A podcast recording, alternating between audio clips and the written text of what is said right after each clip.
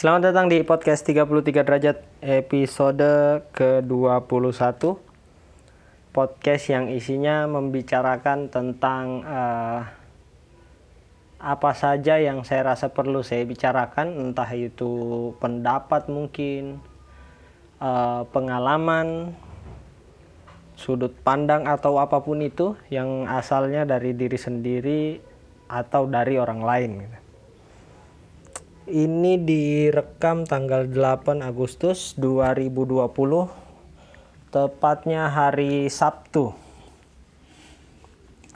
Hari di mana sebagian orang libur dan saya tetap kerja. Ya begitulah ya. Disyukuri saja. Karena tidak tidak kerja itu rasanya tidak enak. Aduh, kita ya kita kalau kok kita? Saya mungkin ya. Entah kalau yang lain. Dulu itu saking lamanya kerja gitu. Mau libur seminggu cuti atau sebulan lah gitu. Saking lamanya kerja itu bertahun-tahun. Rasanya libur sehari itu off off day sehari itu tidak cukup. Pengennya libur dikasih libur lama begitu seminggu dua minggu sebulan. Karena mungkin ini ya bos bosannya muncul gitu jenuhnya muncul capeknya juga. Apalagi eh, kerjanya di hal-hal yang lebih mengutamakan otak daripada otot. Ini ini menurut menurut apa pengalaman sendiri sepertinya ya sepertinya berpikir itu lebih banyak makan tenaga gitu ketimbang uh, pakai otot. Sepertinya ya. Karena kalau saya kerjakan kerjakan sesuatu yang sifatnya otot gitu fisik angkat berat atau eh, bersih bersih gitu uh, apa namanya uh, habis olahraga mungkin dulu sempat bela diri. Itu capeknya apa recovery dari capeknya itu cepat gitu. Tidak berhari-hari hari ini misal kita pertama start kan pertama mulai olahraga. Nah ini bela diri lah. Dulu saya sempat latihan bela diri silat gitu ya. Hari pertama latihan itu sampai jalan itu apa melangkah untuk jalan saja itu angkat kaki setengah mati saking apa daerah paha, betis, pundak, lengan itu sakit semua. Sehari sehari dua hari itu saya jalannya pelan-pelan seperti orang habis disunat karena angkat kaki untuk melangkah itu berat, capek itu kakinya. Tapi hari ketiga, keempat, semakin hari semakin semakin apa eh, efek sakit, uh, kecapean setelah latihan itu semakin hari semakin berkurang gitu. Sampai uh, latihannya sudah sebulan dua bulan itu capeknya sudah capek begitu aja habis latihan istirahat sebentar. Jalan minum ngobrol sama teman sama pelatih pulang sudah segar lagi gitu. Aktivitas seperti biasa lagi.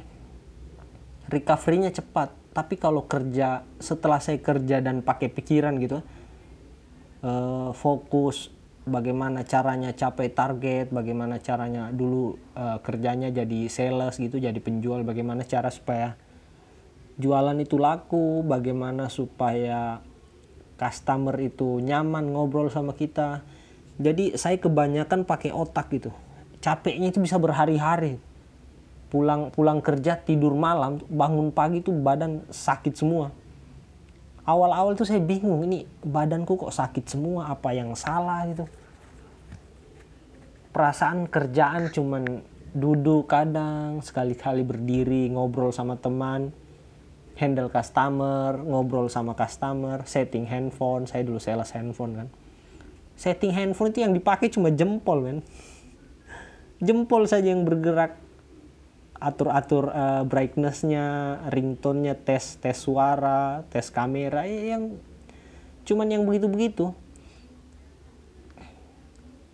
malamnya sebelum pulang kirim report di grup WhatsApp.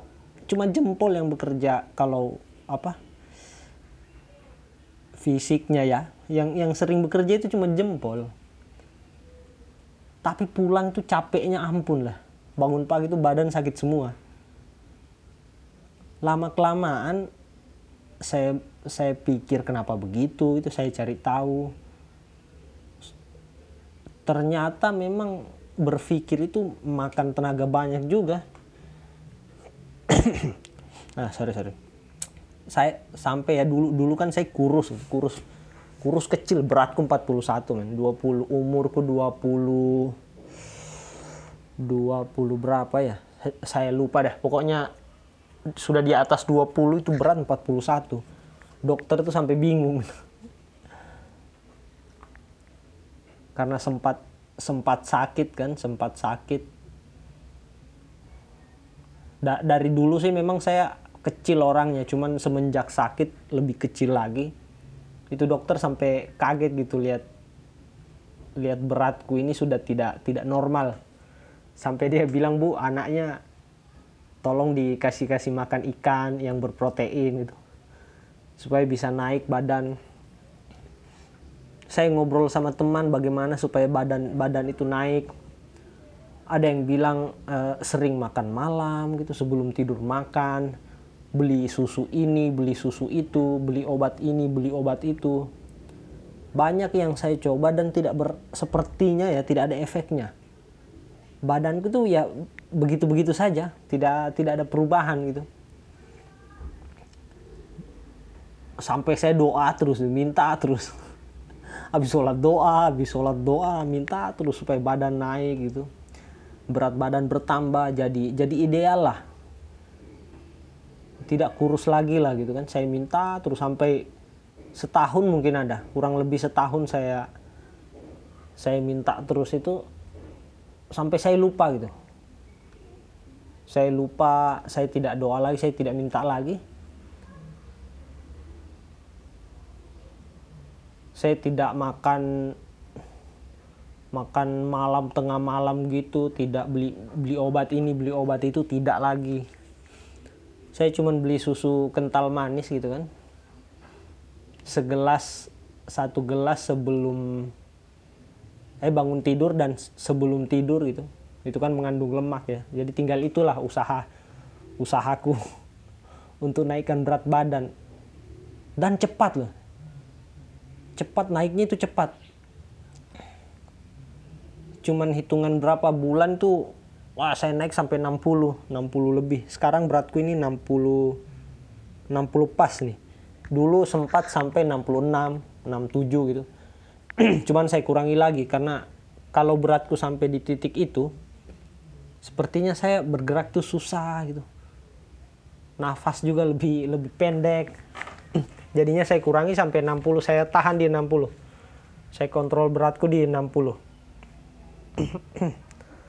dan setelah saya pikir-pikir ya selama ini salah satu faktor yang bikin saya uh, bikin berat berat badan berat badan bisa naik cepat gitu adalah pikiran juga jadi yang bisa menurun menurunkan berat badan itu salah satunya pikiran juga yang bisa menaikkan pikiran juga ber, berperan penting itu. Waktu saya sudah mulai uh, belajar merubah cara pandang tentang hidup, itu cara pandang tentang masalah, kalau ada masalah, ada problem yang datang. Cara memandangnya bagaimana, meletakkan masalahnya di mana. Jadi pikiran mulai terbuka lah, uh, pikiran mulai mulai apa namanya? Mulai luas lah cara berpikirnya tidak sempit lagi. Dan efeknya saya jadi tidak gampang stres. Kalau ada sesuatu yang menimpa ada masalah gitu yang datang awal-awalnya saja agak shock gitu agak shock kaget. Tapi beberapa menit kemudian kesadaran itu muncul. Uh, apa? Di dalam itu seperti ada alarmnya gitu. Ini ini paniknya sudah mulai mau melewati batas. Diredam lagi gitu. Paniknya diredam stresnya diredam. Jadi rileks dan fokus ke solusi akhirnya tidak tidak sampai jadi beban pikiran gitu. Kalau ada masalah yang datang sambil kita uh, sambil saya berusaha untuk mengurangi hal-hal yang yang bisa bisa bikin masalah. Seperti kayak pelupa pelupa saya kan uh, ah seperti yang saya bahas di episode sebelumnya mengenai pelupa saya kan pelupa gitu saya berusaha juga mengurangi bagaimana caranya memperbaiki ingatan supaya masalah-masalah yang timbul yang bisa timbul karena saya pelupa itu bisa berkurang atau dihilangkan gitu Nah, sambil saya berusaha memangkas itu supaya masalah tidak tidak banyak terjadi gitu, problem tidak banyak terjadi. Sambil juga belajar bagaimana memanajemen pikiran ini, memanajemen stres gitu, mengolah stres. Dan ternyata ya, ternyata ini ini uh, info dari orang dan saya coba berhasil gitu. Dan ternyata kalau kita tahu celahnya gitu tahu caranya stres uh, masalah beban atau apa pun itu namanya bisa kita rubah dia jadi jadi tenaga justru jadi semua uh, semua itu timbal balik stres uh, pikiran beban itu bisa menghabiskan tenaga. Tapi kalau kita tahu celahnya kita tahu caranya itu juga bisa jadi tenaga. Setelah saran dari teman dan saya coba berhasil ternyata itu bisa lebih mengurangi lagi uh, beban di pikiran gitu beban yang bikin bikin kita banyak berpikir sampai over gitu kadang sampai overthinking itu bahaya juga. Karena kita tidak bisa mengelola mengelola stres tidak tidak bisa mengontrol pikiran bisa jadi overthinking. Itu jadi jelek juga berpengaruh juga sama kesehatan gitu.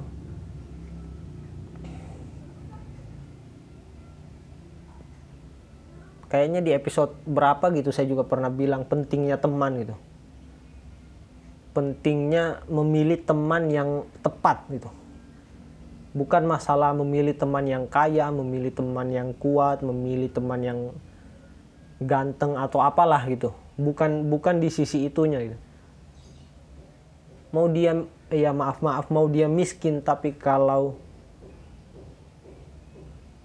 kita rasa dia tepat gitu untuk jadi teman kita kalau kalau saya menilainya begini saya punya teman uh, banyak tidak banyak sih maksudnya ada beberapa orang yang betul-betul uh, akrab gitu yang betul-betul bisa saya tempati ngobrol sharing.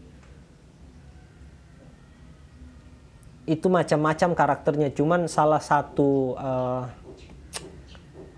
kalau kita boleh bilang kriteria ya salah satu kriteria aku memilih teman itu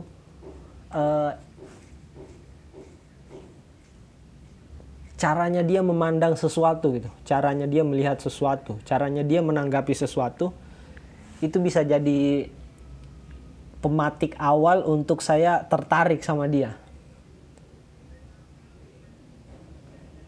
Kadang kalau ada ada sesuatu yang terjadi saya coba uh, pancing obrolan mengarah ke situ.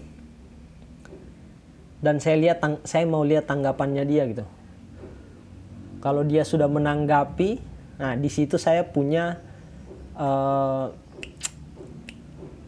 apa ya penilaian cara menilai sendiri lah ya. Mungkin pakai feeling atau apalah namanya tapi di di dalam itu seperti ada yang menyampaikan gitu seperti ada ada rasanya bahwa oh ya ini cocok nih. Ini bisa nih jadi teman tapi ya bukan bukan cuma itu ada banyak faktor-faktor lain juga. Pentingnya memilih teman ya karena itu karena kita akan sering menghabiskan waktu dengan dia di luar keluarga ya. Entah mungkin uh, ngobrol pas ketemu atau sekedar lewat telepon atau lewat chat.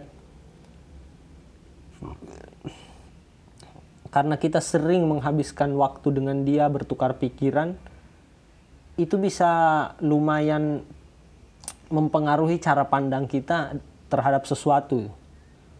Lingkungan tuh bisa bisa berefek juga ke karakter kita ke ke cara pandang kita terhadap sesuatu. Termasuk salah satu yang membuat saya merubah cara pandang melihat sesuatu gitu adalah teman-teman di di sekitar.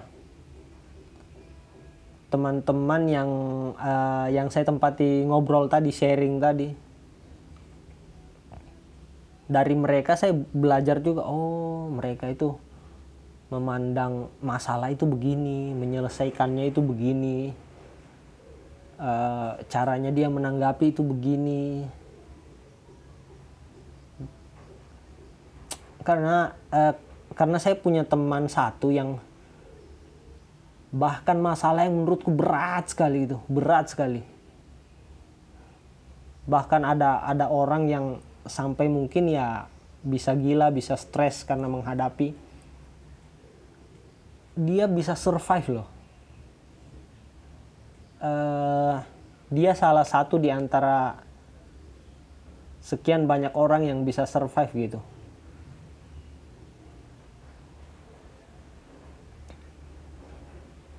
di ya, setiap dia ada ada menghadapi masalah problem entah itu e, masalahnya yang berhubungan langsung sama dia atau orang lain orang yang datang e, curhat ke dia ngobrol sama dia termasuk saya juga. Dia itu mem, e, saya bilangnya bagaimana ya? Dia, dia caranya mem memandang masalah itu loh sudut pandangnya itu. Sampai dia ketemu solusi gitu sampai dia kasih kita saran. Itu yang bikin saya berpikir awalnya oh ini orang kok bisa ya? Pikirannya itu sampai di situ gitu. Pikirannya itu jauh kan kita mungkin masih berpikir eh, tiga uh, empat langkah ke depan atau lima enam langkah ke depan dia bisa sampai 15 20 langkah ke depan atau lebih gitu kalau saya bilang uh, pikirannya itu fik, uh, pikirannya sudut pandangnya gitu caranya melihat sesuatu itu menembus apa namanya menembus batasan-batasan yang bikin orang tidak bisa melihat lebih jauh ke depan gitu, mencari solusi lebih jauh, lebih luas gitu. Batasan-batasan itu sepertinya sama dia sudah sudah hancur lah, sudah roboh lah. Saya selalu kagum sama dia gitu, meskipun dia tidak mau dikagumi. Saya kadang dulu ya, dulu saya kalau dengar dengar saran dari dia, dengar pikirannya gitu, pendapatnya saya sering heboh wow saya bilang ini orang. Entah sayanya yang cetek atau memang dianya yang dianya yang wah gitu di mataku ya. Kok bisa pikirannya sampai sejauh itu gitu? Kok bisa eh, apa namanya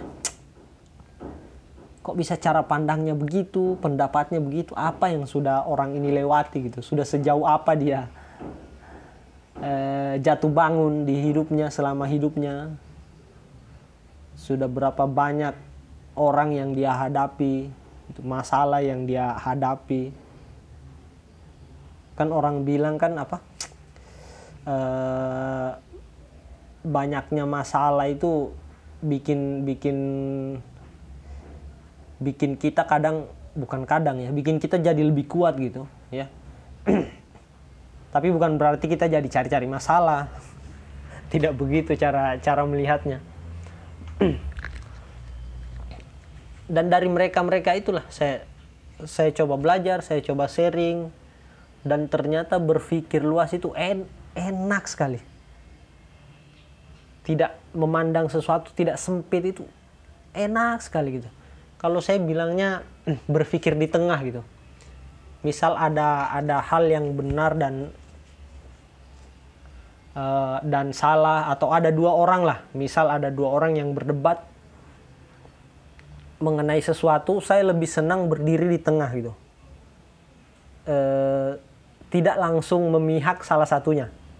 Saya lebih senang berdiri di tengah dulu melihat gitu bagaimana pandangan yang satu, bagaimana pandangannya yang satu, pendapat yang si A sama si B bagaimana.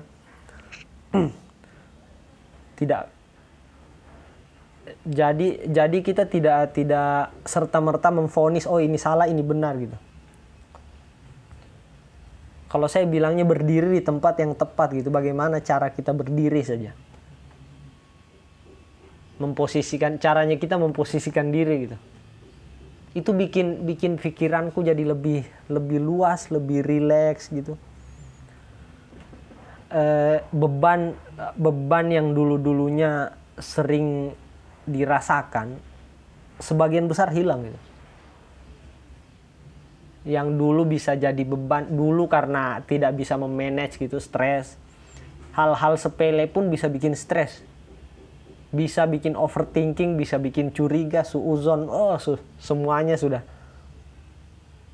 Dan hanya cum hanya dengan uh, merubah uh, cara pikir kita, mindset kita, sudut pandang kita gitu, itu bisa bisa merubah banyak hal yang lain. Makanya itu yang saya coba apa? Saya coba lakukan terus lah di luar tingkahku yang mungkin kadang aneh-aneh lah apalah konyol lah garing lah. Tapi saya tetap coba untuk uh, semakin hari semakin meluaskan pikiran wawasan gitu. Semakin hari semakin uh, mencoba menerobos batas-batas yang memang harusnya kita terobos. Supaya kita tidak tidak goblok-goblok amat lah, tidak gampang ditipu orang lah. Tidak gampang dibodoh-bodohi gitu.